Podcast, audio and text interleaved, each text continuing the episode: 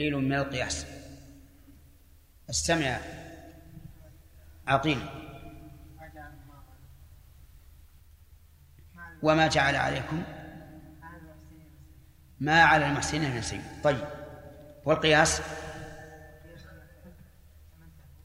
نعم. ائتمنته عليها في حفظها. فيجب أن يكون أمينا عندك في ردها. تمام. طيب. لكن يقول إلى ربها يعني يقول رددتها عليك. أو إلى غيره أي غير ربها بإذنه.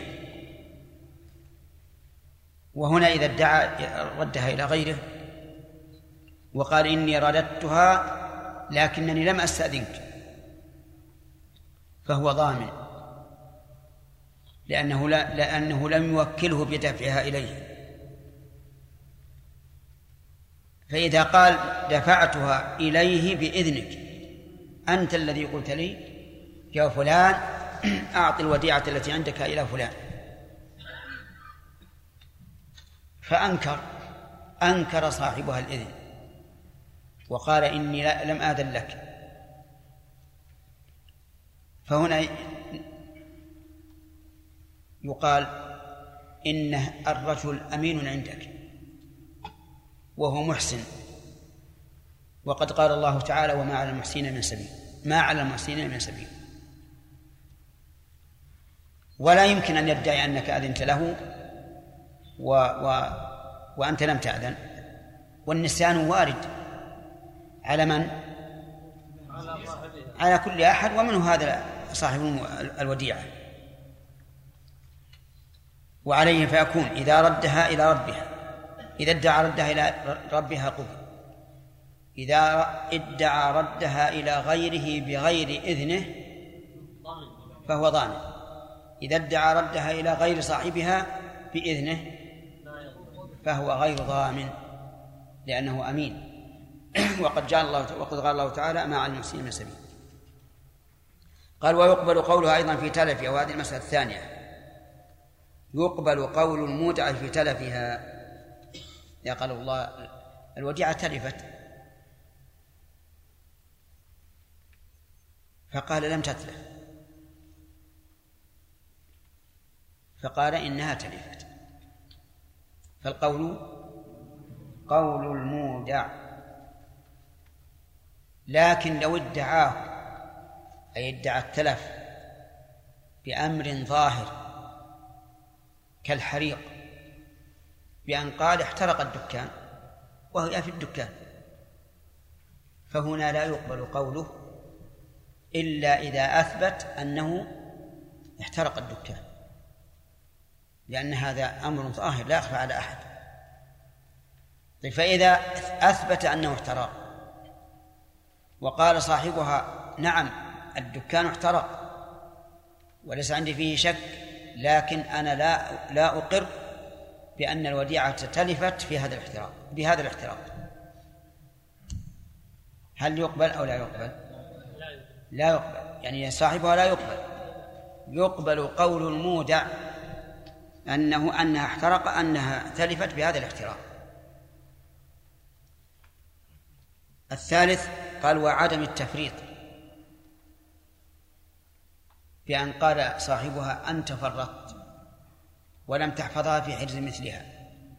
وقال لم أفرط فالقول قول المودع لأنه مؤتمن. فإن أقر الجميع بالسبب. لكن صاحبها ادعى أنه تفريط وهو يقول ليس بتفريط. فنرجع إلى العرف. نرجع إلى العرف. إذا قال الناس نعم الرجل الذي حفظها في هذا بهذا المكان غير مفرط فيرجع في ذلك إلى العرف. الله أكبر. الله أكبر الله أكبر الله أكبر. أشهد أن لا إله إلا الله. أشهد أن محمدا رسول الله.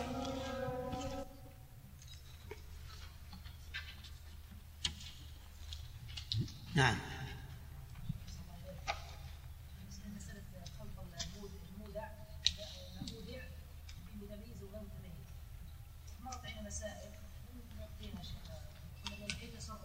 كيف؟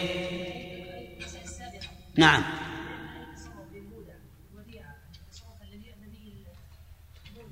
نعم. لا ما قلنا هكذا. قلنا يتصرف لم يعذب المودع وهو مما يخالف الحرص. وهذا لم يخالف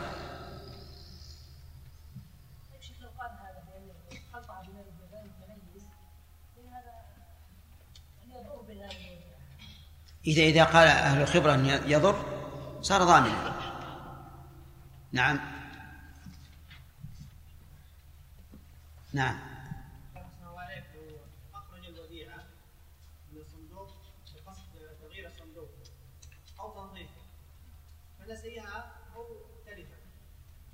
إذا كان لمصلحة الوديعة فلا يضمن وإلا فهو ضامن ومن مصلحة الوديعة مثلا أن تأكل الأرض التي هي دابة الأرض تأكل ما يلي الأرض من من الصندوق. فغير هذا لا شك من مصلحته.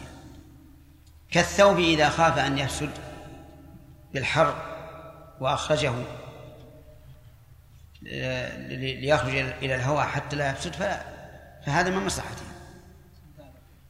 انتهى الوقت. والله الأيدي كثيرة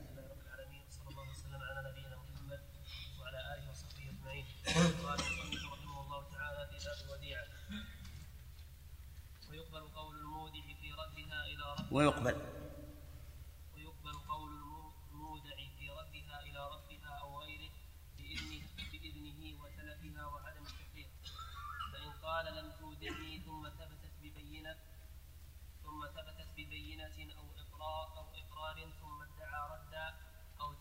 ردا أو. ثم ادعى ردا أو تلفا سابقين لجحوده لم يقبل ولو ببينة. بل في قوله ما لك عندي شيء ونحوه أو بعده بها. وإن ادعى وارثه الرد منه أو من مورثه لم يقبل إلا ببينة. وإن طلب أحد المودعين نصيبه من مكيل أو موزون ينقسم أخذه. وللمستودع وللمستودع والمضارب. نعم وللمستودع والمضارب والمرتهن والمستأجر مطالبة غاصب العين بسم الله الرحمن الرحيم. هذه في مسائل الاختلافات في الوديعة. والاختلافات كلها في الواقع كل ما ذكر العلماء من الاختلافات ذكرها النبي صلى الله عليه وسلم في كلمتين. فقال البينة على المدعي واليمين على من أنكر. فجميع ما ذكره المؤلفون رحمهم الله في الاختلافات ومن يقبل قوله ومن لا يقبل كله يعود إلى هذا الحديث. لكن لا بأس بالتفصيل. يقول يقبل قول المودع في ردها إلى ربها أو غيره بإذنه وتلفها وعدم التفريط سبق الكلام على بعض هذه الجملة. أليس كذلك؟ طيب. وقوله عدم التفريط أيضا يقبل قول المودع في عدم التفريط. يعني إذا ادعى المودع على المودع أنه مفرط وقال المودع لم أفرط. فإن أبهم التفريط أو ما ادعي أنه تفريط فيقبل قول المودع لأنه محسن. وإن لم وإن لم يبهم بأن عين فيعرض على أهل الخبرة. فإذا قالوا إنه تفريط فهو تفريط. وإذا قالوا إنه غير تفريط فإنه ليس بتفريط. هذا هو هذا التفصيل هو القول الراجح. وإن كان ظاهر كلام المؤلف أن قول المودع مقبول في عدم التفريط مطلقا ولكن هذا فيه نظر. فإذا قال قائل إذا قدر أنه عين العمل الذي ادعي الذي اختلف فيه المودع والمودع هل هو تفريط أو لا؟ وقال المودع هذا في نظري أنه غير تفريط فيقال كون أهل الخبرة يقولون إنه تفريط وأنت تعتقد أنه ليس بتفريط يدل على أنك غير فاهم. والمعاملات بين الخلق لا يعذر فيها بالجهل. فكان الواجب عليك أن تسأل أولا هل هذا تفريط أو ليس بتفريط. ولنضرب لهذا مثلا في ليلة شاتية. أبقى المودع الشاة في العراء. ظنا منه أن الشاة تقاوم. ولكن أهل الخبرة قالوا إنها لا يمكن أن تقاوم في هذا البرد الشديد والصقيع الشديد لأنها أي هذه الشاة ليست ممن مما عاش في بلاد ثلجية. وهو سمع أن الإسكيمو يعيشون والثلج يتقاطر عليهم فقال هذه الشاة في هذا المكان لو نزل عليها الثلج فإنها ستبقى حية. فعد نفسه غير إيش؟ غير مفرد لكن أهل الخبرة قالوا هذا تفريط. فحينئذ يؤخذ بقول من؟ نعم بقول أهل الخبرة قالوا إنها تفريط. فيقبل قول المودع أو المودع؟ المودع بالكسر. يقبل قول المودع. فإن قال لم تودعني. إن قال من؟ المودع. قال للمودع لم تودعني. يعني أنكر الوديعة قال أبدا لم تودعني.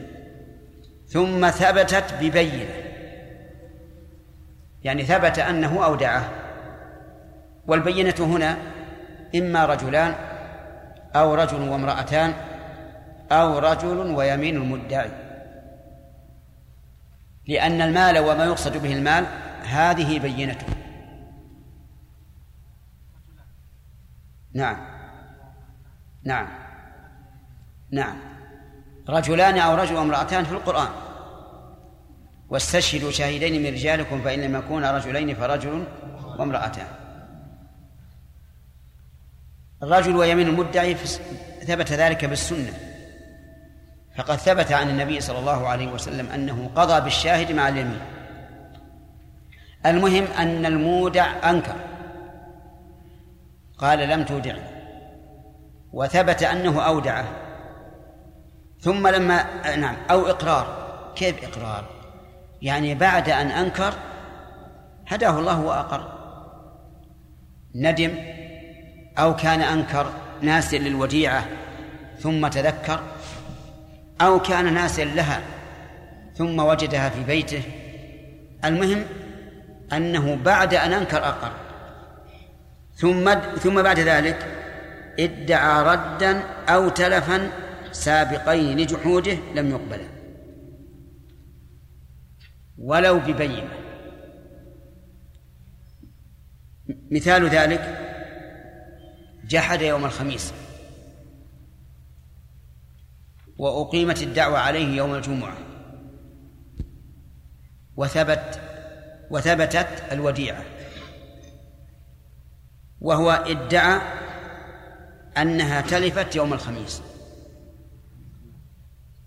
نعم يوم الأربعاء قبل قبل جحده هو الآن جحد متى؟ يوم الخميس. وأقيمت الدعوة يوم الجمعة. ثم ادعى أنها تلفت يوم الأربعاء. فهنا لا لا يقبل لا تقبل دعواه التلف. لماذا؟ لأنه يوم الخميس أنكر الوديعة. فيكون دعواه أنه أنها تلفت يوم الأربعاء. تكذب قوله. إذ يلزم التناقض. واضح؟ طيب. الرجل أنكر الوديعة يوم الخميس. وأقيمت الدعوة عليه يوم الجمعة. وثبتت عليه ببينة. ثم قال إنها تلفت يوم الأربعاء. فهنا لا تقبل. لا يقبل قول. لماذا لا يقبل؟ لأنه هو نفسه الآن كذب نفسه. هو أنكر يوم الخميس قال أبد ما عندي وديعة. ولما ثبتت قال هذه تالفت يوم الأربعاء. طيب كيف تالف يوم الأربعاء؟ وأنت يوم الخميس تقول ما عندي لك وديعة. أفهمتم الآن؟ طيب. دعواه التلف لا يقبل. دعواه الرد لا يقبل. لأنه بإنكاره لأنه بإنكاره صار أمينا أو خائنا. صار خائنا. فلا يقبل قوله. لا في الرد ولا في في التلف يلزمه الضمان. طيب لو أقام بينة على أنها تلفت يوم الأربعاء. قام بينة شهود. قال نشهد أن الوديعة الفلانية أنها تلفت يوم الأربعاء. هل يقبل أو لا يقبل؟ نعم. إيه. لا ما ما يقبل استمع يقول. لم يقبلا ولو ببينة. يعني لم يقبلا أي الرد والتلف ولو ببينة. حتى لو جاب شهود قالوا نشهد إن وديعة فلان تلفت يوم الأربعاء. فإنه لا تقبل. لأنه نفسه هو مكذب للبينة. مكذب للبينة.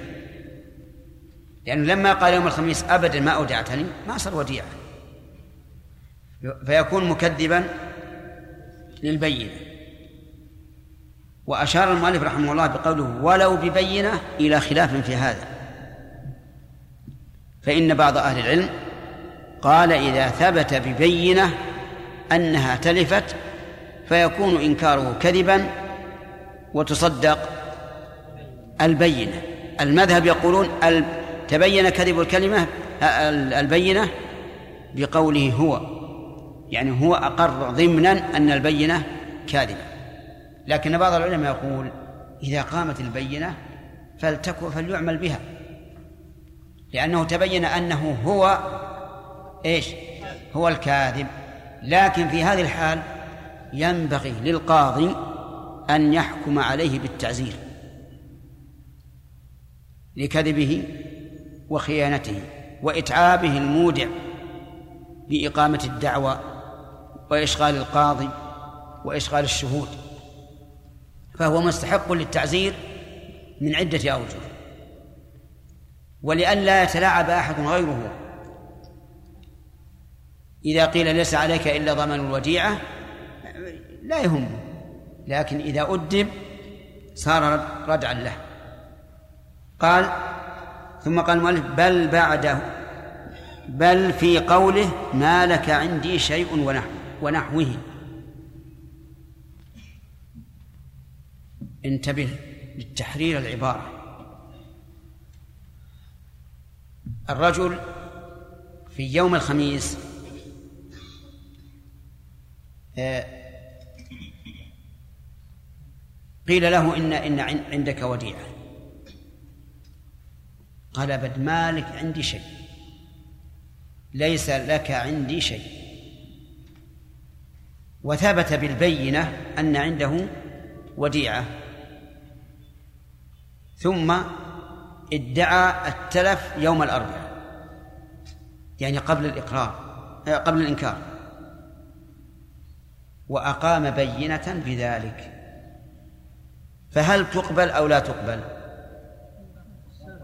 تقبل سواء ببينة أو بغير بينة لأن الرجل قال ما لك عندي شيء. ومعلوم أن الوديعة إذا تلفت بلا تعد ولا تفريط لم يثبت على المودع شيء. فيكون في قوله ما لك عندي شيء صادقا بخلاف ما لو قال لم لو لم تودعني والفرق ظاهر. إذا قال لم تودعني فقد أنكر إيش؟ أصل الوديعة. أما إذا قال ما لك عندي شيء فإن قوله مقبول. حتى لو ثبتت ببينة فقوله مقبول. لماذا يا أخوان؟ لأنه لا لا يتنافى قوله وثبوت الوديعة. هو يقول نعم أنا قلت ما لك عندي شيء لأني لا فرطت ولا اعتديت وإذا تلفت الوديعة بدون تعد ولا تفريط فليس علي فليس علي شيء. أفهمتم؟ أظن واضح الحمد لله. طيب. أو بعده بها. يعني أو ادعى التلف بعده بعد الجحد. بها أي بالبينة فإنه يقبل. فإنه يقبل إذا ادعى التلف بعد الجحد لأن الذي لا يقبل ولا ببينة إذا ادعى التلف قبل الجحد. لتناقض الدعوى ووقت التلف. لكن إذا كان إذا ادعى بعده فهنا يقبل ببينة. لماذا لا يقبل مطلقا؟ لأنه مودع. لأنه بجحوده زال عنه وصف الأمانة فلا يقبل قوله في التلف ولا في الرد إلا ببينة. واضح؟ طيب. هذا الرجل طلبت منه الوديعة فقال للمودع لم تدعني أنكر. فأقام المودع بينة أنه أودعه. أقام بينة أنه أودعه. وكان إنكاره يوم الخميس. فادعى أنها تلفت يوم الجمعة. ادعى أنها تلفت يوم الجمعة. هل يقبل قوله أو لا يقبل؟ ببينة يقبل. بغير بينة لا يقبل. كونه يقبل ببينة لأنه أقام بينة وهو وإن كان خائنا إذا أقام بينة قبل. لكن إذا لم يقم بينة فإنه لا يقبل. فإن قيل ألستم تقولون إن المودع يقبل قوله في الرد؟ فالجواب بلى نقول بهذا. لكننا نقول يقبل قوله في الرد ما دام أمينا. أما وقد خان بإنكار الوديعة فإنه لا يقبل قوله إلا ببينة. والحاصل أنه إذا أنكر الوديعة إذا أنكر الوديعة ثم ثبتت عليه الوديعة ببينة لأنه لا بد من بينة. يعني لو أنكر الوديعة وليس عند المودع المدعي ليس عنده بينة ما يستطيع أن يلزمه بها لكن ثبتت الوديعة عليه ببينة. ثم ادعى ردا أو تلفا. فإن كان الرد والتلف اللذان ادعاهما سابقين على جحوده إيش؟ فلا قبول له مطلقا. لا ببينه ولا بغير بينه وإن كان بعده إن ادعى الرد والتلف بعده قبل ببينة. وبغير بينة لا يقبل. هذا إذا أنكر. أما إذا قال ما لك عندي شيء فهو مقبول على كل حال وذلك لأن قوله ما لك عندي شيء لا ينافي ثبوت الوديعة. لماذا؟ لأنها إذا تلفت بغير تعد ولا تفريط فقد صدق ليس له شيء. ليس لمدعي الإيداع شيء. يعني يقول نعم أنت أودعتني وصادق لكن تلفت. ولما تلفت لم يبقى لك عندي شيء. فيكون هنا إقراره بالوديعة أو ثبوتها بالبينة لا ينافي قوله ما لك عندي شيء فيقبل. قال وإن ادعى وارثه الرد منه أو من مورثه لم يقبل إلا ببينة. ادعى وارثه أي وارث المودع. الرد منه أو من مورثه. يعني بأن قال وارث المودع إننا رددناها عليك. لم يقبل. لماذا؟ لأن الوارث ليس هو المودع. الوارث ليس هو المودع. حتى يقبل قوله في الرد. أو ادعى وارث المودع أن مورثه ردها. من مورثه؟ مورثه المودع لما جاء صاحب الوديعة يطلبها بعد أن مات المودع قال الورثة إن مورثنا قد ردها عليك. فلا فلا يقبل قول الوارث. لأنه غير مؤتمن من قبل ربها. لأن ربها لم يودعها الوارث. إنما أودعها من؟ المورث. وحينئذ نقول للورثة إن كان عندكم بينة أنكم رددتموها إلى صاحبها قبلناها. وإلا فعليكم الضمان. طيب لو ادعى الورثة قالوا إن المورث لم يترك شيئا ما وجدنا عنده شيئا. لا وديعتكم ولا غيره ولا غيره. فيلزم المودع حينئذ أن يثبت ببينة أن المورث تركها وذلك لأن المورث قد يكون تصرف فيها وأنفقها أو ردها وهم لا يعلمون أو ما أشبه أو ما أشبه ذلك واضح هذا ولا مو واضح؟ واضح؟ ما معنى إدعاء؟ الضمير في وارث يعود على من؟ المودع الرد على من؟ المودع منه الضمير يعود على من؟ على الوارث. على الوارث. نعم. أو من مورثه من مورثه؟ المودع يعني أن الوارث قال لمن؟ لصاحب الوديعة إنا قد رددناها عليك. هذا قوله منه. أو من مورثه قال إن مورثنا ردها عليك. لم يقبل إلا ببين. واضح الآن ولا غير واضح؟ طيب. لم يقبل إلا ببينة لماذا؟ علل. لأن المودع لأن المودع لم يأتمن الوارث. المودع لم يأتمن الوارث. والوارث الآن مقر بالوديعة. ما أنكر الوديعة. نعم في وديعة لكن مو... لكن مورثنا ردها عليك. أو قال نحن رددناها عليك بعد موته. قال أبدا. فإنه في هذه الحال نعم لا يق... لا تقبل دعوى الرد من الوارث أو من المورث إلا إلا ببين فإن قال قائل إذا ترك الميت وديعة هل يجب على الورثة أن يبلغوا صاحبها أو يردوها إليه فورا؟ الجواب نعم. يجب علي على الورثة إذا خلف المورث وديعة أن يبلغوا صاحبها فورا أو يردوها علي عليه فورا. لماذا؟ محمود.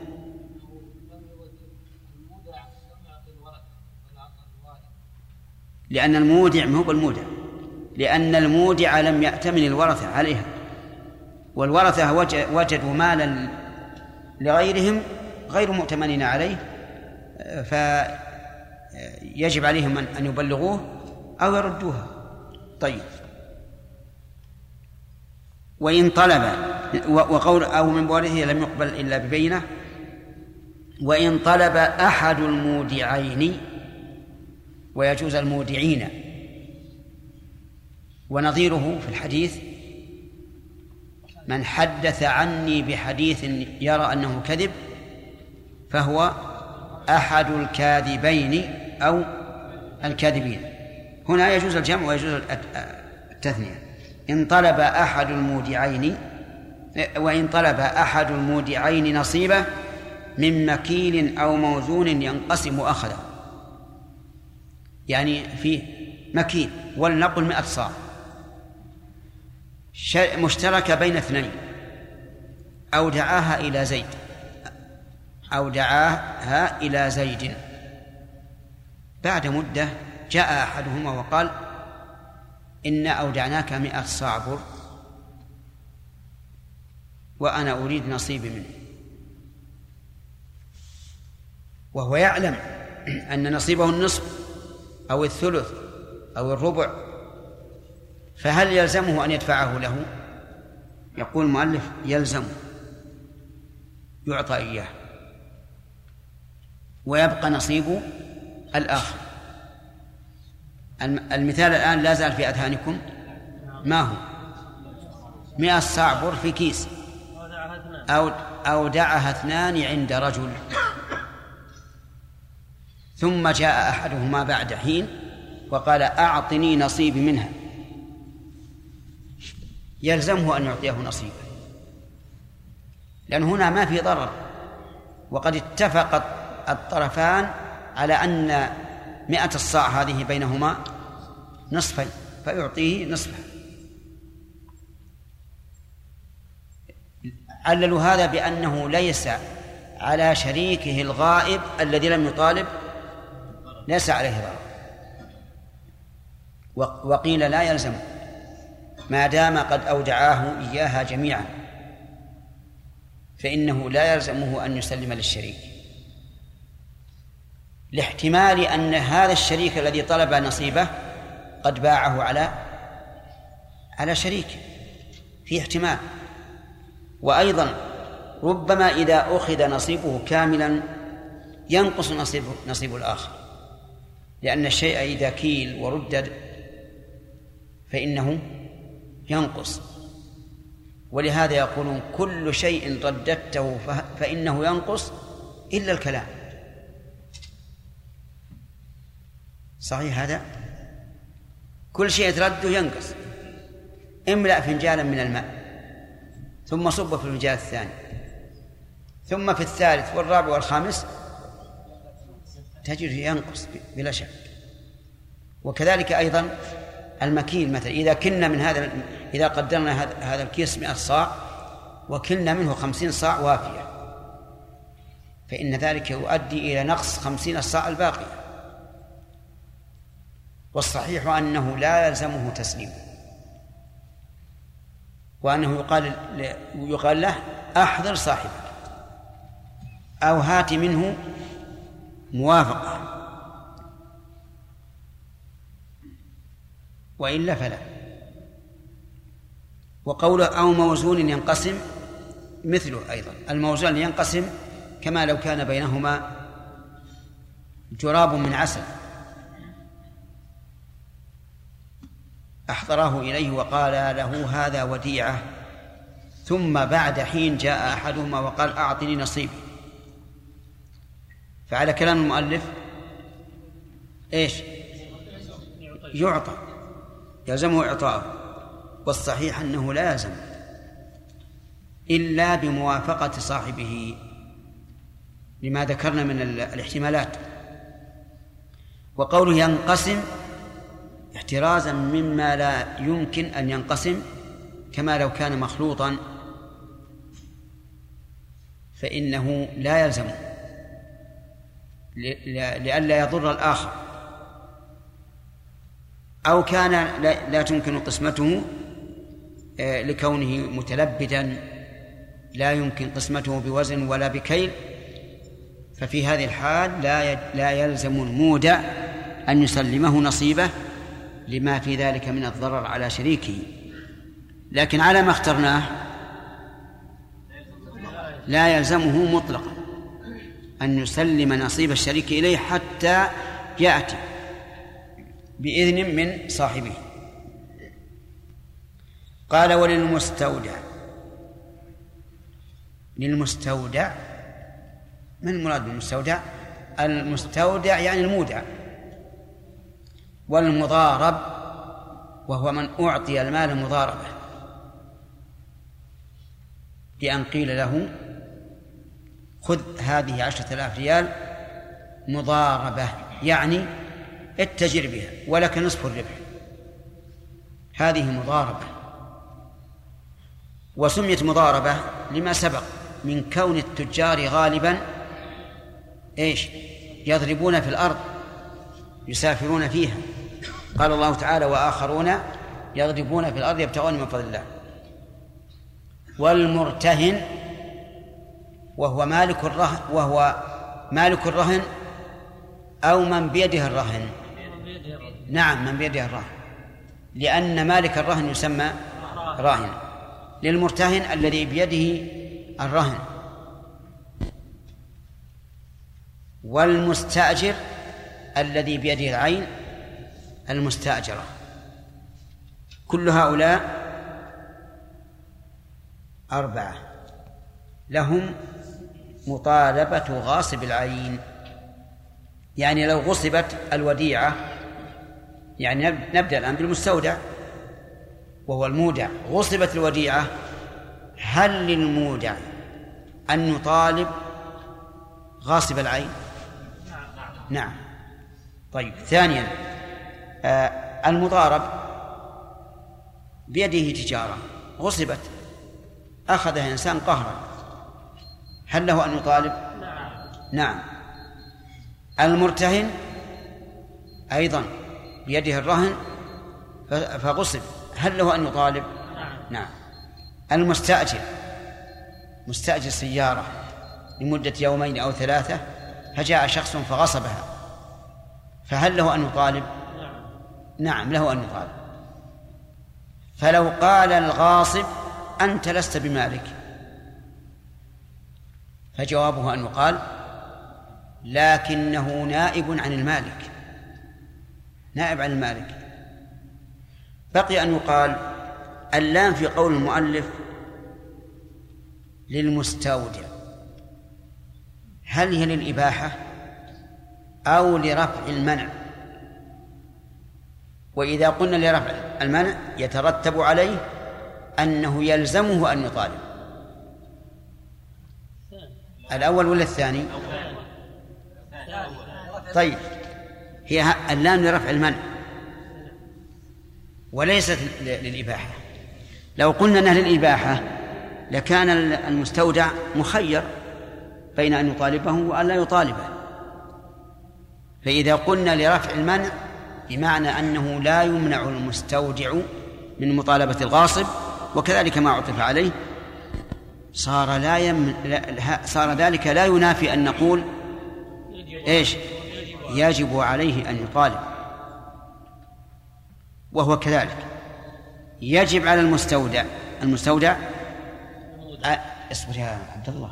خليك راتد شوي.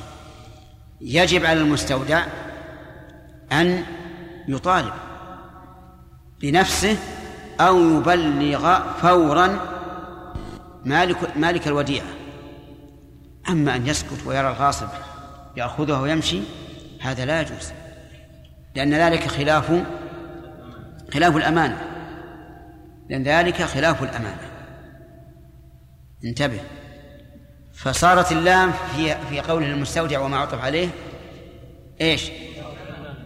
لرفع المنع وليست للإباحة لأننا لو قلنا إنها للإباحة لكان المستودع وما عطف عليه مخيرا بين المطالبة وعدم المطالبة وليس كذلك. بل يجب بمقتضى الأمانة أن يطالب أو ها أو يبلغ فورا المالك واضح؟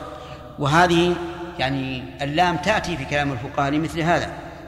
مثلا عبر بعض العلماء في فسخ المفرد والقارن إذا لم يسوق الهدي إلى عمرة. فقالوا وللمفرد والقارن أن يفسخا نيتهما إلى عمرة ليصيرا متمتعين.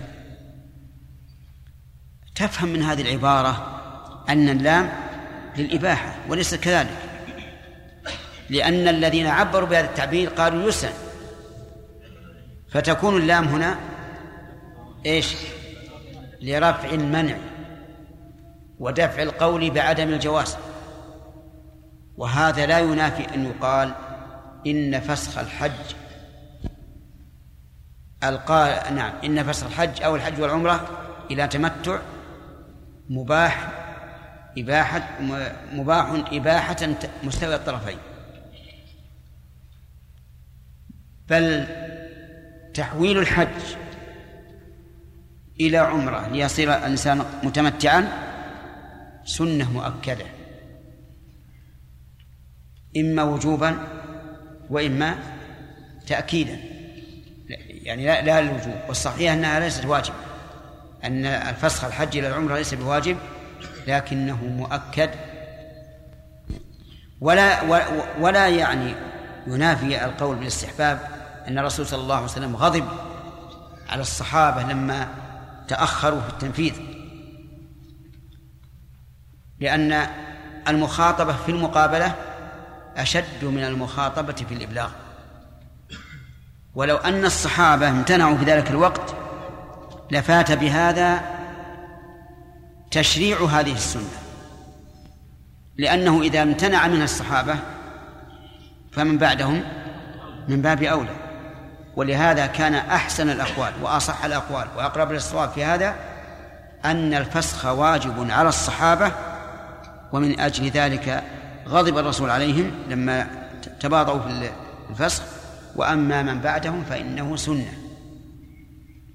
وليس هذا من تقديم قول أبي بكر وعمر لأن أبا بكر وعمر لا يراني لا يريان ذلك بل يريان أن يحج الإنسان حجا مفردا ويتمتع في وقت آخر.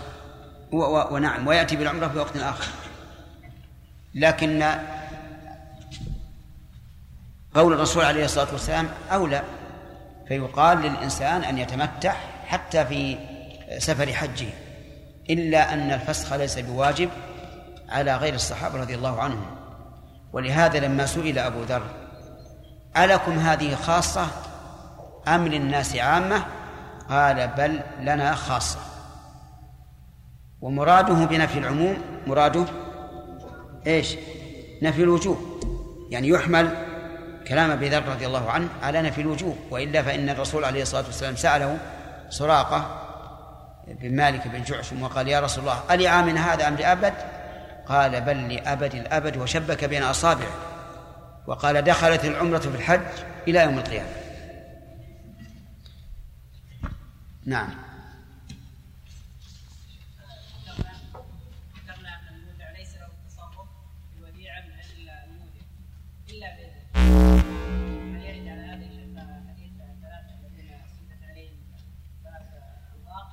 نعم.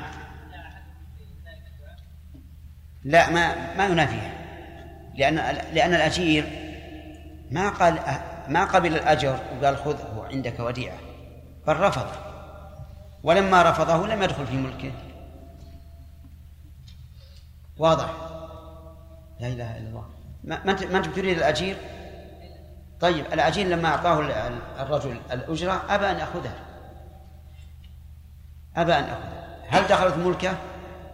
ما دخل. إذا هذا أبقاها عنده لكنه لقوة أمانته صار يبيع ويشتري بها حتى نمت.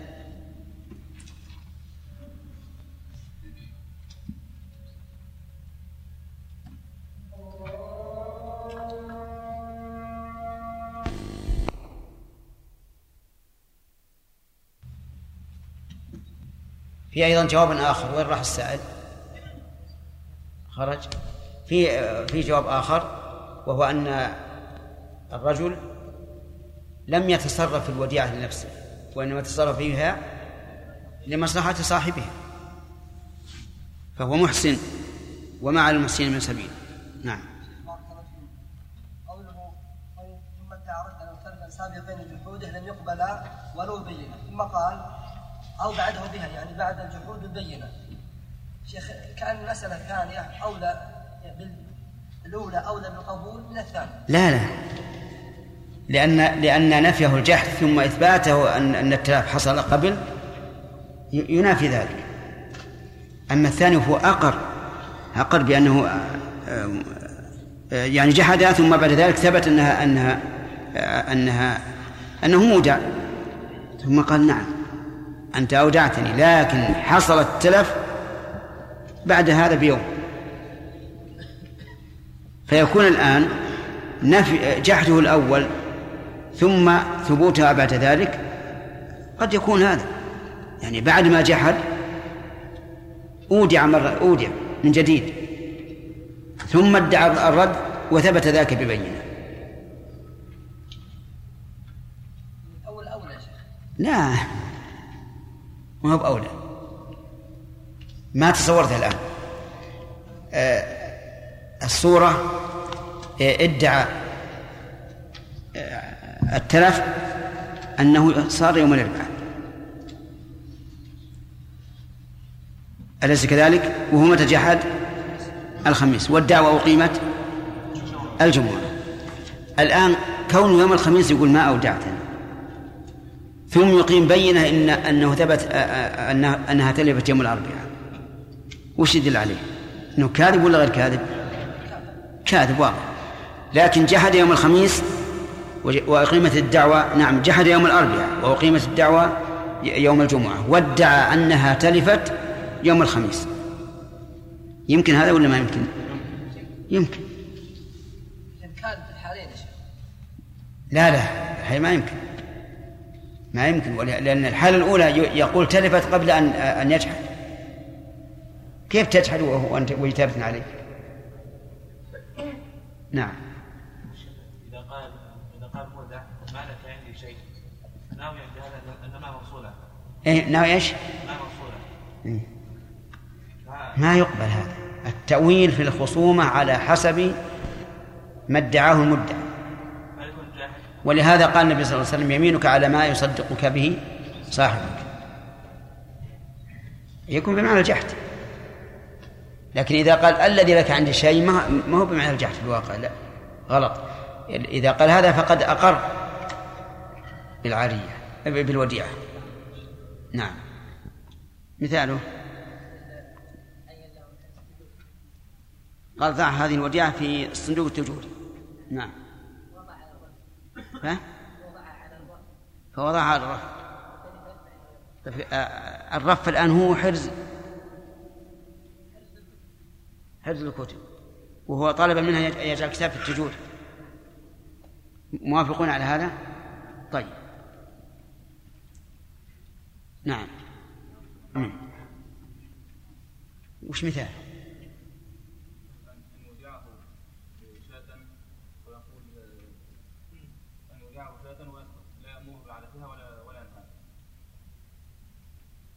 كيف؟ نعم. طيب. ثم قطع العلف عنها حتى ماتت نعم. لأنه يضمن. لماذا؟ وهو ما أمر بإعلافها. لأن إعلافها من حفظها عادة. أين تذهب فلوسه؟ يرجع على صاحبها.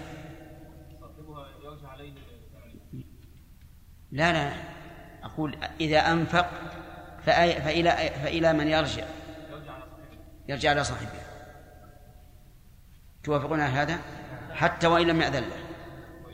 إيه لأنه قام عنه بواجب. طيب الأخ. لا لا في مناقشة في المناقشة إيه إذا قطع العلف عن الدابة بقول صاحبها بأن قال لا تعلفها.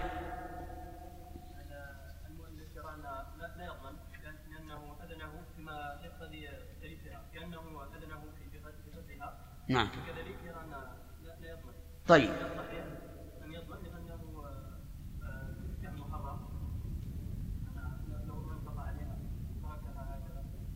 طيب وإذا ضمن من يعطي القيمة يعطيها صاحبه وهو يقول لا تنفق عليها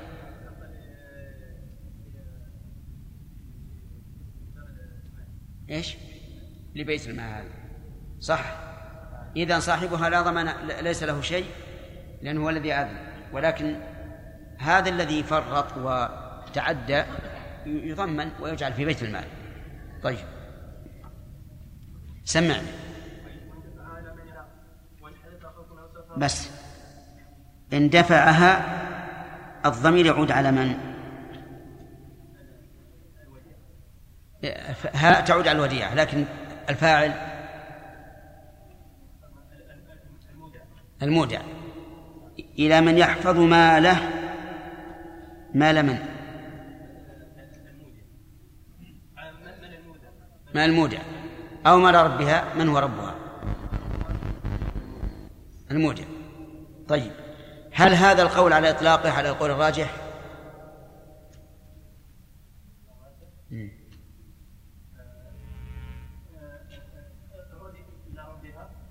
لا إذا إذا دفعها إلى من يحفظ ماله.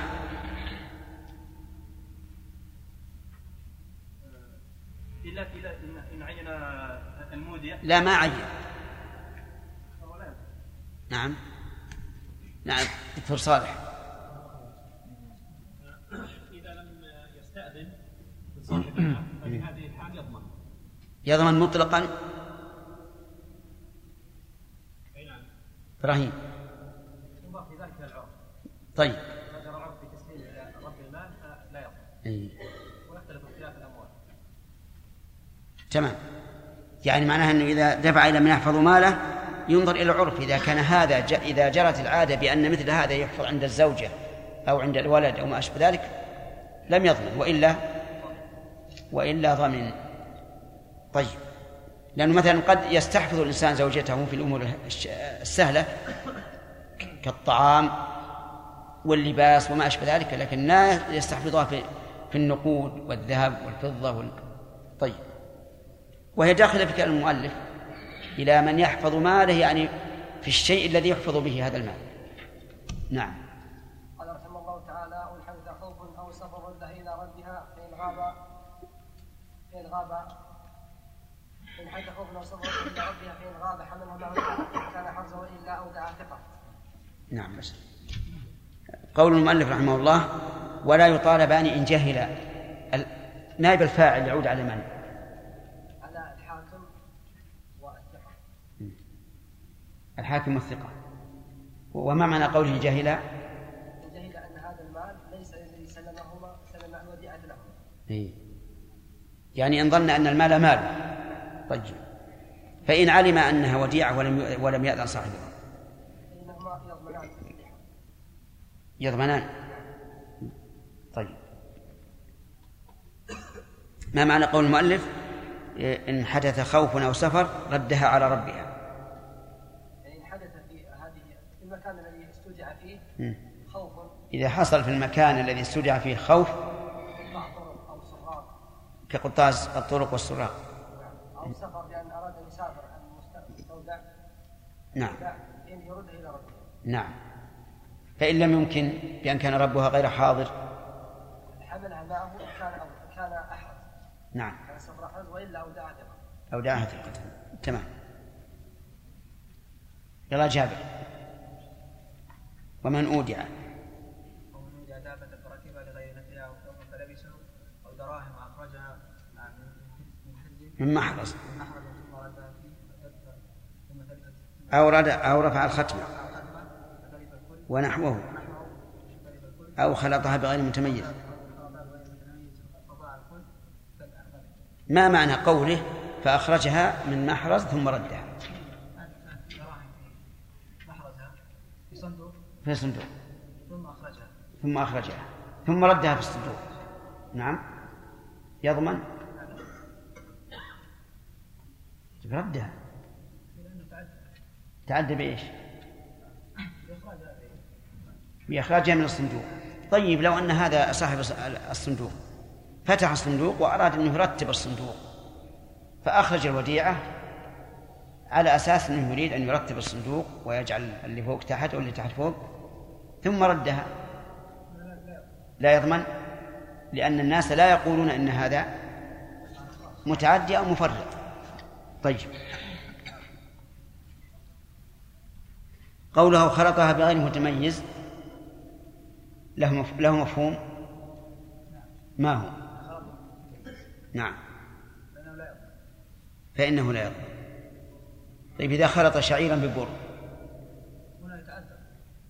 يتعذر. ما يتعذر. هو يتعذر. في مشقة في مشقة يضمن. أو أو يكلف بأن؟ بالتمييز. طيب. أظن الفصل الثاني للدرس الثاني. ها؟ طيب. ناخذ درس جديد الآن. بسم الله الرحمن الرحيم. الحمد لله رب العالمين. وصلى الله وسلم على نبينا محمد وعلى آله وأصحابه ومن تبعهم بإحسان إلى يوم الدين. قال المؤلف رحمه الله باب إحياء الموات. إحياء مصدر أحيا والموات بمعنى الميت. والمراد بالموات هنا الأرض كما يفسره المؤلف. واعلم أن الأرض توصف وت- و- و- وتحيا. فإحياء الله لها بإنبات الزروع والأشجار. وإحياء الإنسان لها يختلف لكنه قريب من إحياء الله عز وجل. قال المؤلف في تعريفها وهي الأرض يعني الموات هي الأرض المنفكة عن الاختصاصات وملك معصوم. الأرض المنفكة يعني الخالية عن الاختصاصات و و والملك. الاختصاصات كمجاري السيول ومواضع الحطب ومواضع المراعي والمصالح العامة وأفنية الدور وهي ملقى زبالاتهم. هذه غير مملوكة لكنها مختصة لمصالح البلد عموما أو لمصالح كل بيت. فناء الدار وهي البرحة والسعة التي أمامها تكون ملقا للكناسة وما أشبه ذلك. هذه وإن لم تكن ملكا لكنها مختصة لصاحب البيت ينتفع بها. كذلك للمصالح العامة كمسائل المياه ومواضع الاحتطاب والاحتشاش والمراعي وما أشبه ذلك. ومثل أيضا الطرق. هذه نسميها اختصاصات ولا نسميها أملاك لأنها ليست إيش؟ ليست ملكا لأحد. وقوله ملك معصوم يعني أيضا وليس وليس ولم يسبق إحياءها ملك. فإن سبق إحياءها ملك فإنه لا يمكن لمن إحياءها أن يملكها. لأنها ملك لمن؟ ملك للأول الذي أحياها لكن اشترط المؤلف أن تكون ملكا لمعصوم. والمعصوم من بني آدم أربعة أصناف المسلم والذمي والمعاهد والمستأمن. هذه أربعة أنفس معصومة. لا يجوز لأحد أن يعتدي عليها. بقي الحربي الذي ليس له عهد ولا ذمة وليس مسلما. هذا نسميه هذا حربي. ماله مباح للمسلمين.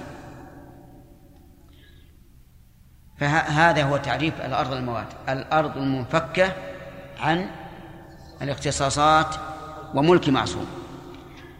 ومثله الأراضي الداثرة التي كانت قرى في قديم الزمان وارتحل الناس عنها وتركوها. هذه أيضا لمن ملكها. نظير ذلك في الأعيان إذا ألقى الإنسان متاعه زاهدا فيه وراغبا عنه لا يريده فهو لمن وجده. كما في حديث جابر رضي الله عنه أنه كان على جمل له فأعيا فأراد أن يسيبه. لو سيبه جابر ووجده آخر فهو له فهو له. وكذلك ما يلقى في البحر عند خوف غرق السفينة فإن من وجده فهو له. وذلك لأن الذي ألقاه قد تخلى عنه ولم يرد أن يكون ملكا له. كذلك الأراضي كما قلت لكم. الأراضي أراضي القرى البائدة التي من قديم الزمان. هذه أيضا من أحياها ملكة.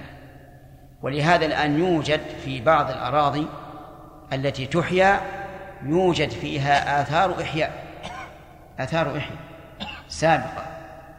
حتى أنه عندنا هنا في قريب من الوادي عثروا مرة على سوق كله رماد وقطع حديد.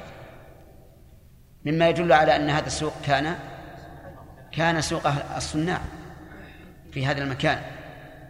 لكنه باد وذهب أهله ولم يعرف له مالك. فهذه تدخل في كلام المؤلف في قوله ملك معصوم. لأن هذه الأراضي البائدة الآن ليس لها مالك فتدخل. هذا هو تعريف الأرض المواد. والشح في الأراضي شديد. وعقابه شديد. قال النبي صلى الله عليه وعلى آله وسلم من اقتطع شبرا من الأرض ظلما طوقه يوم القيامة من سبع أراضين. يطوق يجعل طوقا في عنقه من سبع أراضين مو من أرض واحدة لأنه ظلم. حتى إن العلماء رحمهم الله قالوا لا يجوز للإنسان أن يزيد في تلييس الجدار أكثر مما جرت به العادة وذلك لأنه يأخذ بالزيادة هذه إيش؟ نعم يأخذ من السوق والسوق مشترك إلى هذا الحد حذروا العلماء رحمهم الله من التعدي على الأرض لكن على كل حال إذا وجدنا أرضا منفكة عن عن الاختصاص وملك معصوم فمن أحياها ملكها ولهذا قال المؤلف فمن أحياها ملكها. من؟ شرطية. وفي أصول الفقه أن أسماء الشرط من صيغ العموم. إذا فتعم كل من أحياها. وسيأتي إن شاء الله بيان الإحياء. ملكها أي دخلت في ملكه. قهرا. نعم تدخل في ملكه قهرا. لأن ملكها علق بسبب متى وجد ثبت. كما قلنا في الميراث. الميراث إذا وجد سببه إيش؟ دخل في ملك الوارث قهرا. حتى لو قال الوارث أنا لا أريد الميراث. قلنا هو لك قهر عليك. لأن لأن الملك المعلق بسبب متى وجد سببه؟ ثبت الملك. شاء الإنسان أم أبى؟ نعم الإنسان هو حر مختار قبل أن يفعل السبب. أما إذا فعل السبب فإن الشارع رتب السبب على وجود رتب المسبب على وجود السبب فلا خير للإنسان فيه. فمن أحياها ملكة من مسلم وكافر. لكن المراد كافر إيش؟ معصوم. من مسلم وكافر معصوم. وأيضا نزيد شرطا ثانيا في الكافر. أن يكون ممن يصح تملكه الأرض. فإن كان لا يصح فإنه لا لا يملكها. لكن إذا كان ممن يصح تملكه الأرض فإنه يملكها. من مسلم وكافر. طيب ذكر وأنثى ذكر وأنثى صغير وكبير صغير وكبير لكن الصغير الذي لا يميز يتولى ذلك عنه وليه. قال بإذن الإمام وعدمه. إذا قال الفقهاء الإمام فمرادهم من له السلطة العليا في البلد. فالبلاد الملكية يكون الإمام فيها الملك. الملك نعم. والبلاد الجمهورية يكون الإمام فيها الرئيس. لكن في بعض البلاد رئيس جمهورية ورئيس وزراء. إيش نعم؟ من هو الرئيس؟ من رئيس الحكومة. هي تختلف الآن حسب علمي أنها تختلف. في بعض البلاد رئيس الجمهورية له السلطة العليا ورئيس الوزراء من دونه. وفي بعض البلاد بالعكس. على كل حال كل وعرفه لكن الذي له السلطة العليا في البلد هو ما ما يعنيه الفقهاء بكلمة الإمام بكلمة الإمام. طيب بإذن الإمام. الإمام هل يأذن مباشرة؟ نقول بإذن الإمام أو نائبه. لأن الآن اختلفت الأوضاع واختلف أسلوب الحكم. فالإمام نفسه لا يباشر مثل هذه الأمور لكن له نواب. وزراء هذا وزير داخلية وهذا وزير بلديات وهذا وزير عمال وإلى آخره. فالوزير ينوب مناب الإمام. وإذا جعل الوزير من قبل الإمام أن ينيب غيره في كل بلد للأمير أو المحافظ قام هذا الأمير أو المحافظ مقام مقام من؟ مقام الإمام. مقام الإمام. وقصدي من هذا الترتيب أن لا يقول قائل إن آه إن إذن الأمير أو المحافظ أو الوزير أو رئيس البلدية وما أشبه ذلك غير معتبر لأن المعتبر إذن الإمام يقول إن النواب عنه إيش؟ بمنزلته يقومون مقامه. وقول المؤلف بإذن الإمام وعدمه. لو قال قائل ما له داعي هذا بإذن الإمام أو عدمه. لأنه إذا قال من أحياها ملكها ولم يذكر بإذن الإمام معناها أنه لا يشترط إذن الإمام. أليس كذلك؟ ولكن اعلموا أن الفقهاء إذا قالوا شيئا لا داعي له من حيث العبارة فإنما يشيرون إلى رأي آخر. يشيرون إلى رأي آخر. وهنا يريد المؤلف أن يشير إلى رأي آخر وهو أن هناك قولا بأنه لا تملك الأرض الميتة إلا بإذن الإمام أو نائبه. إلا بإذن الإمام أو نائبه. لئلا تحصل الفوضى والاعتداء. فإذا كانت بإذن الإمام أو نائبه صارت مرتبة مضبوطة. فقالوا إنه لا يحصل الإحياء إلا بإذن الإمام أو أو عدمه. وسبب اختلافهم قول النبي صلى الله عليه وعلى نعم. وسبب اختلافهم اختلافهم في فهم قول الرسول صلى الله عليه وسلم من أحيا أرضا ميتة فهي له. هل هذا حكم تشريعي أو حكم تنظيمي؟ إن قلنا إنه حكم تشريعي صار من أحيا أرضا ميتة فهي له سواء أذن الإمام أم لم يأذن لأن النبي صلى الله عليه وسلم قاله على وجه التشريع للأمة. وإن قلنا أنه على وجه التنظيم صار لابد أن يقول الإمام من أحيا أرضا ميتة فهي له في كل زمان ومكان. ونظير هذا من بعض الوجوه. قول النبي صلى الله عليه وعلى آله وسلم من قتل قتيلا فله سلب في الحرب من قتل قتيلا فله سلب هل هذا تشريع أو تنظيم؟ في خلاف. فبعض العلماء قال إن الرجل إذا قتل قتيلا في الحرب فله سلبه سواء اشترط ذلك الإمام أم لا. وبعضهم قال ليس له سلبه إلا بإذن الإمام.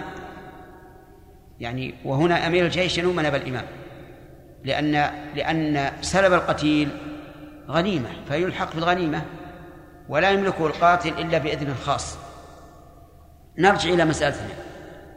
كلام المؤلف وهو مذهب الحنابلة يدل على أن من أحيا أرضا ميتة فهي له سواء كان ذلك برخصة من ولاة الأمر من ولاة الأمر أم لا. أفهمتم الآن؟ طيب.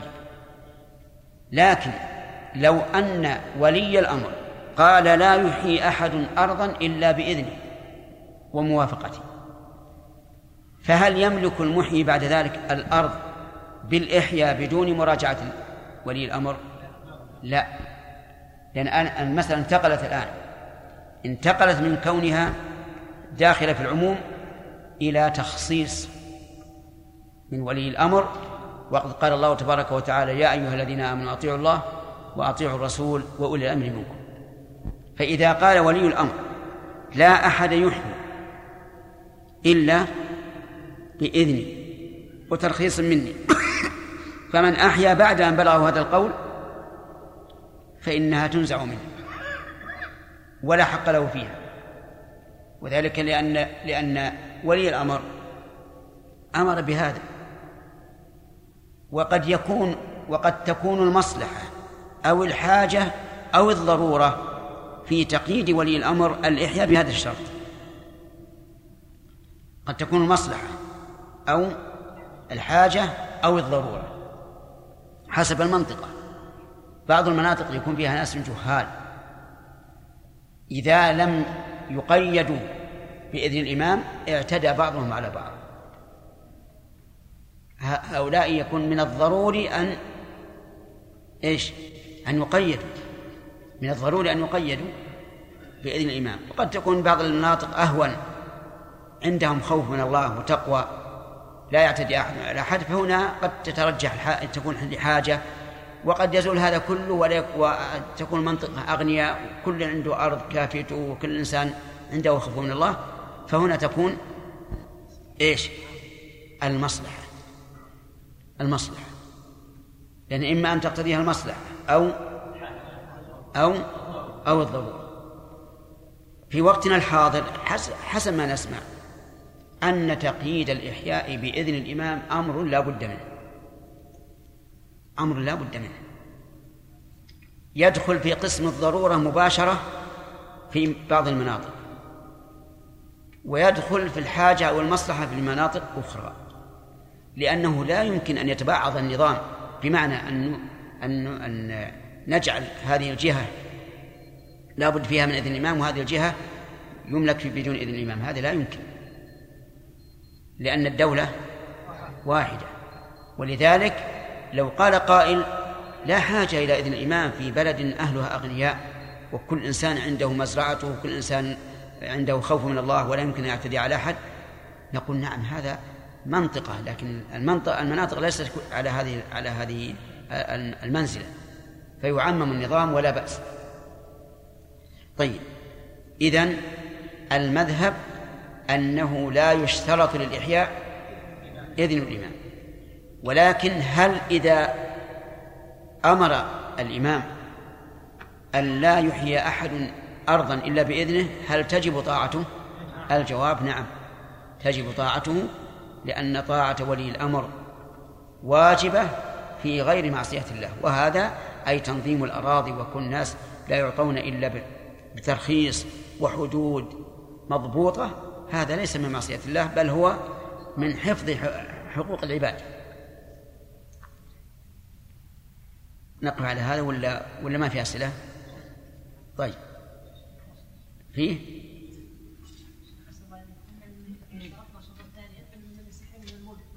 إيش؟ نعم لو لو لو صالحناهم على أن لا يتملكوا في أرضنا مثلا كفار صالحناهم على أن لا يتملكوا في أرضنا ما يت... لم يتملكوا فيها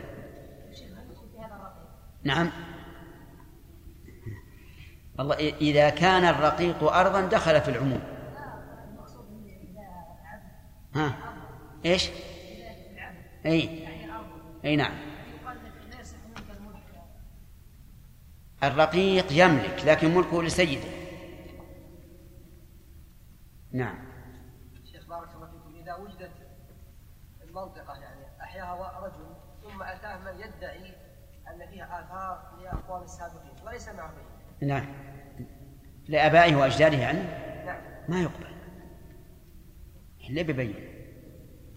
لقول النبي صلى الله عليه وعلى آله وسلم لو يعطى الناس بدعواهم لادعى رجال دماءهم وأموالهم.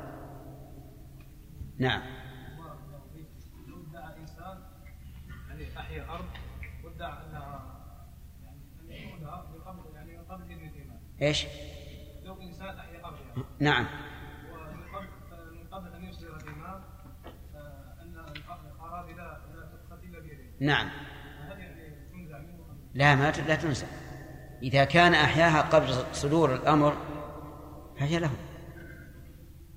لأن لأن الذي يظهر من قول الرسول صلى الله عليه وآله وسلم من أحيا أرض ميتة فهي له اللي يظهر أنه تشريع. وهذا هو الأصل. هذا هو الأصل حتى يقوم دليل على أنه تنظيم. فجري في القول الراجح أنه يملكها بدون إذن الإمام إلا إذا أصدر الإمام أمره بأن لا بأن لا يحيي أحد أرضا إلا بإذنه فلا تحيا إلا بإذنه.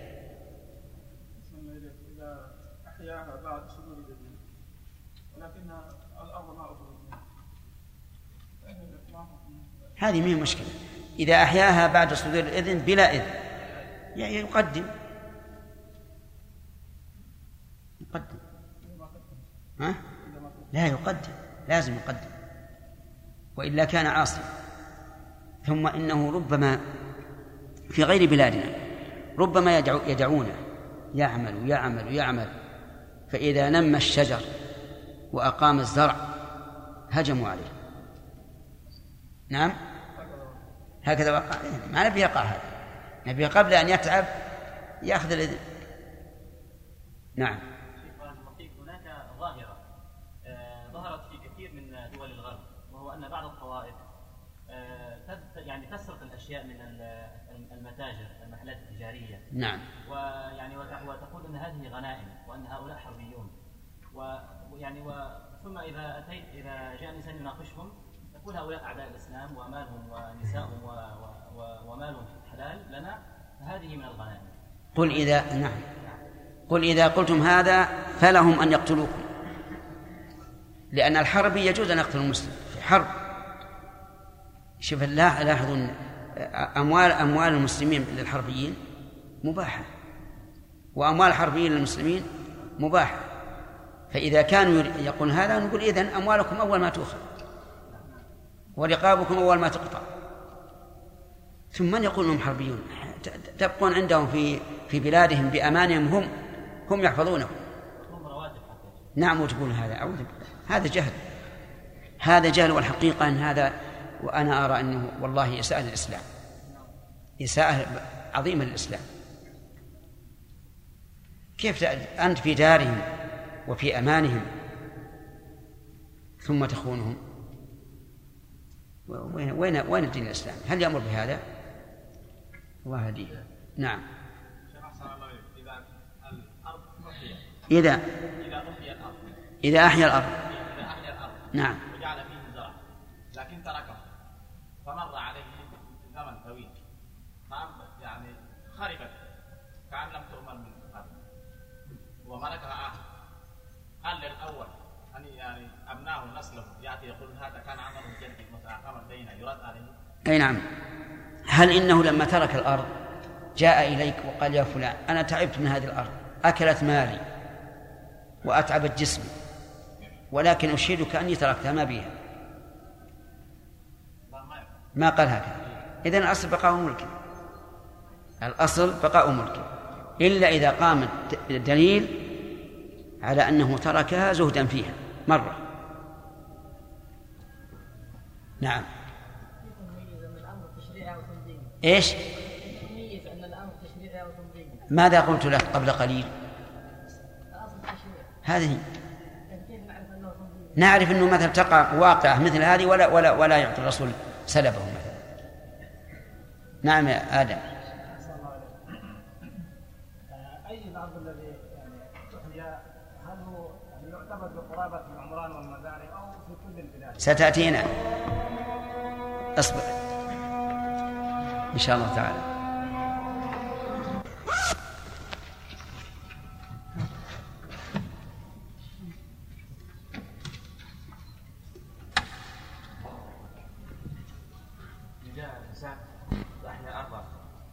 ثم أزال الزرع الذي أخرجه ثم بنى الأرض. وكان قد قصد الأرض للبناء وجعل الزرع هذا هذا عاد يرجع يرجع للإمام. يقول إن إنسان أخذ مساحة كبيرة وجعل فيها زرعا لا يريد أن يزرعه لكن من أجل أن يتملكها فهل وهو يريد أن يبني عليها فهل نقول إن هذه حيلة؟ ويسد عليه باب الحيلة لئلا يضيق على الناس؟ أو يقال ملكها ويتصرف فيها كما شاء. هذه محل نظر وأرى أنه يرجع لولي الأمر شيخ بارك الله فيكم اذا سمحتم بالنسبة للموضوع الذي قاله الاخ احمد هذا واقع ومشهور اللي هو الذي هو أن بعض الشباب أي آه، يأخذون اشياء من في أوروبا يقولون إنها غنائم. شيخ قابلت بعضهم في مكة وناقشني في هذا الأمر ونسب إليك والى الشيخ عبد العزيز. ومن خلال كلام تجد إنه ط- إنهم طلبة علم يعرفون الفقه ويعرفون قواعد وما إلى ذلك. فأنا أقترح عليكم يا شيخ لو يسألكم أحد سؤال ويكون الجواب رسالة. تنشر هناك لأنهم يعرفونكم ويتداولون كتبكم. وهؤلاء طلبة علم يلبسون على غيرهم من اتباعهم أي صحيح. فيقولون يعني هي هي في الحقيقة كلامهم صحيح لكن عمومات غير مرادة. كأن الحرب ماله حلال وكذا وكذا. في يعني يجعلونها ويضعونها على موضع فهمهم هم. لكنها في في العموم أقوال صحيحة. المشكلة نسبة إلينا. وينسبونها إليك. لا مشكلة نسبة إلينا. هذه هذه هو المشكلة.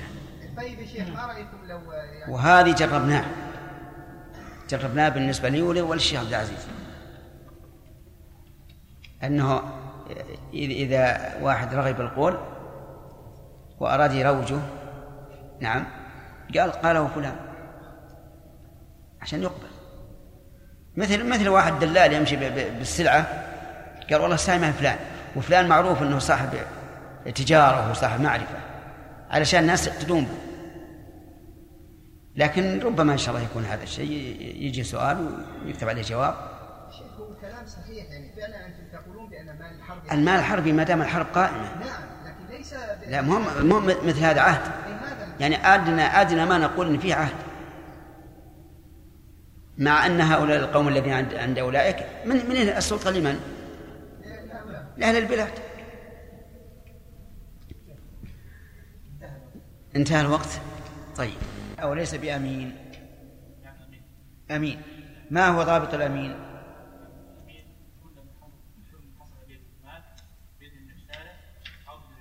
نعم.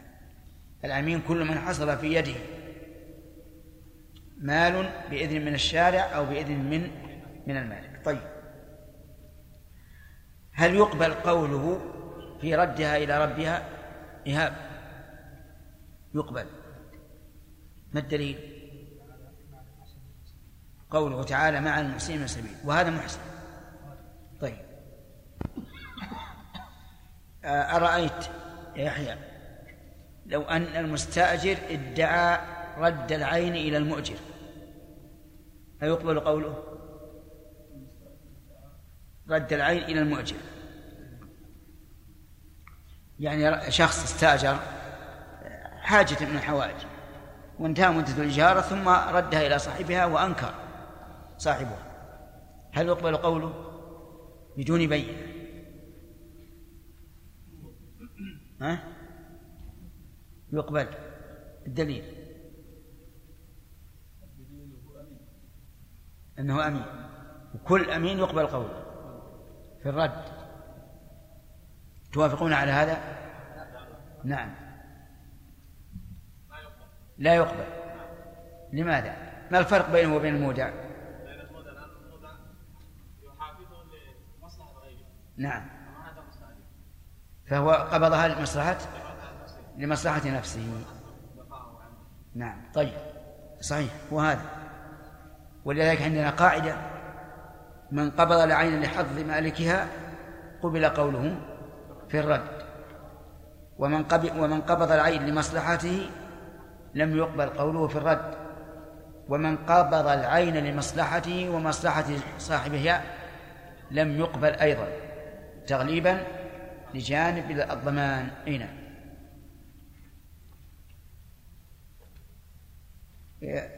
لو لو ادعى المودع بل لو أنكر المودع الوديعة. يقبل إنكار لأن أصل براءة ذمته نعم. وأيضا عندنا دليل حديث لو يعطى الناس بدعواهم لادعى رجال دماء قوم وأموالهم طيب. بعد أن جحد يا حجاج ثبتت عليه ببينة. فماذا يكون؟ لا أنكر الوديعة. قال لم تودعني ولا أعرف. ثم ثبت أنه أودعه. نعم. يلزم إيش؟ تثبت الوديعة. طيب. ادعى أنها تلفت. ادعى أنها تلفت. إن كان قبل قبل جحوده فهي لا تقبل. لا يقبل. لا تقبل دعواه. ولو ببينة. وإن كان بعد جحوده؟ بعد جحوده يقبل ببينة. يقبل ببينة. طيب. لماذا يا إبراهيم لم يقبل ببينة؟ لماذا لم يقبل قوله بأنها تلفت بعد جحوده لا يقبل لأنه بإنكاره صار خائنا نعم.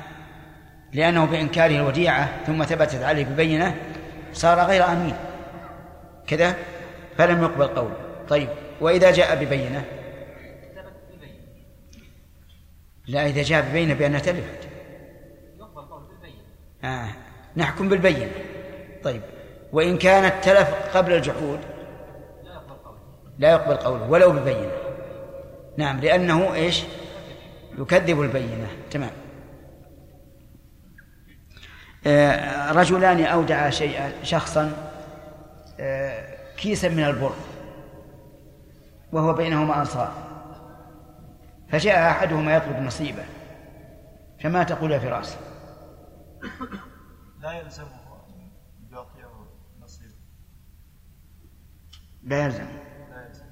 لكن يعلم أنهما أنصار حتى ولو نعم. سليم. نعم. إيش الجواب؟ وش معنى يقعد؟ يعني يعطى إياه؟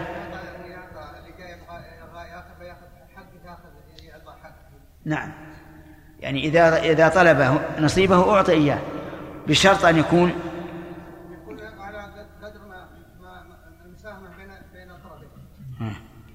طيب آه، أفهمت في الأصل؟ طيب إذا قال المودع أنا لا أدري كم نصيبك منه لا أدري ألك ثلثه أو ربعه أو نصفه؟ قال لي نصفه هل يلزمه أن نسلمه؟ لك تكميل.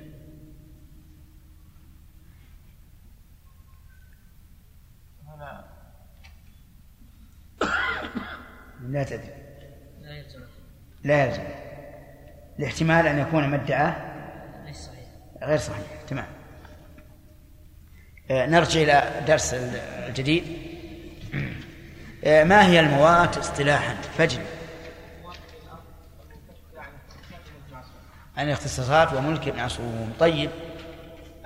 الأرض المنفكة عن الاختصاصات وملك معصوم وآدم يبين لنا الاختصاصات. ما هي؟ وما يتعلق بمصالح الناس الاحتفاظ وملقى الزباله والاحتشاش أي نعم وما اشبه ذلك والمراعي. طيب. هذا هل يملك بالإحياء أو لا؟ هل يملك بالإحياء أو لا؟ لا يملك. ليش؟ يملك بالإحياء. إيه. لا يملك بالإحياء. هذان قولان. نعم. لا يملك بالإحياء. لأنه لما فك عن الاختصاص آدم. الآن رجعت ولا ولا؟ رجع. طيب. طيب. لو قال قائل إن النبي صلى الله عليه وسلم قال من أحيا أرضا ميتة فهي له. فماذا نقول؟ هل نقول يملك هذه الأشياء ال- ال- ال- الاختصاصات أو لا يملك؟ الحديث كيف نجيب عنه؟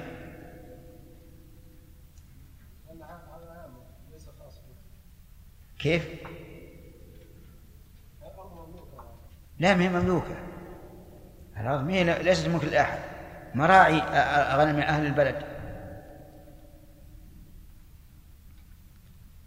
إبراهيم لا يطلق عليها ميت لا ميتة وزيادة.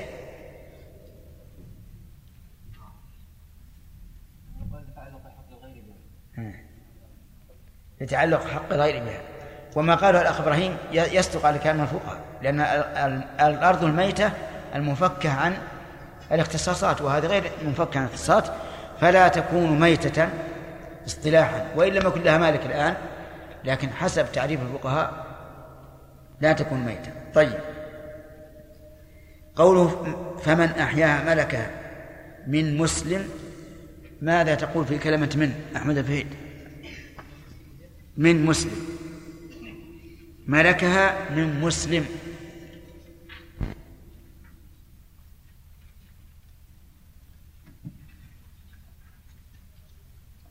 ما عندي؟ حرف جر ما أحتاج لكن وش معناه من احياء يعني نعم كيف احياء المسلم مم. شرطية غير مصيغة وهي كل من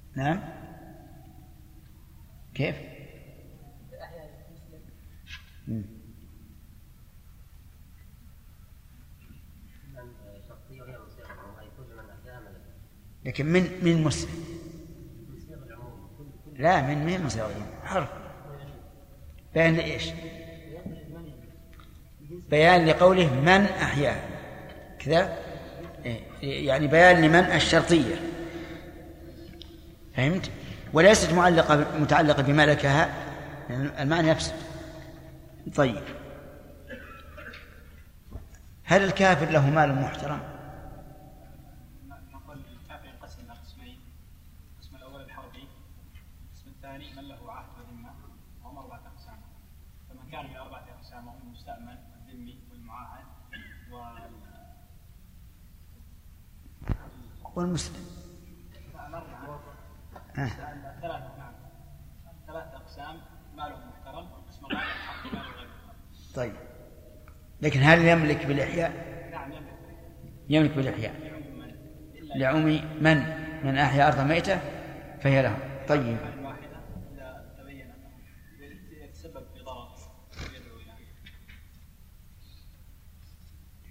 مثل إيش؟ يعني يملكها ويبني فيها يعني.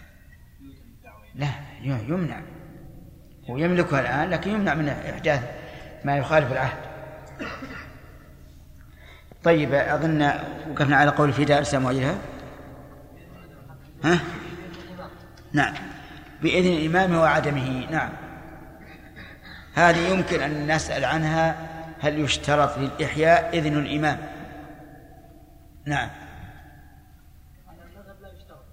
لا يشترط. الدليل؟ الناس قال من أحيا أرضا ميتة فهي فهي له ولم يشترط شيئا هل في هذا تفصيل؟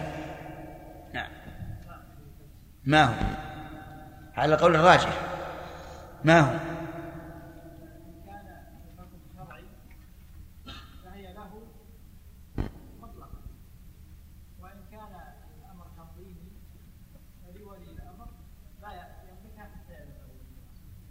يعني نقول إذا إذا منع ولي الأمر من التملك إلا بإذنه فإن من تملك بغير إذنه فلا فلا ملك له.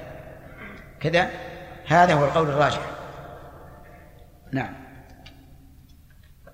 ثم قال المؤلف في دار الإسلام وغيرها.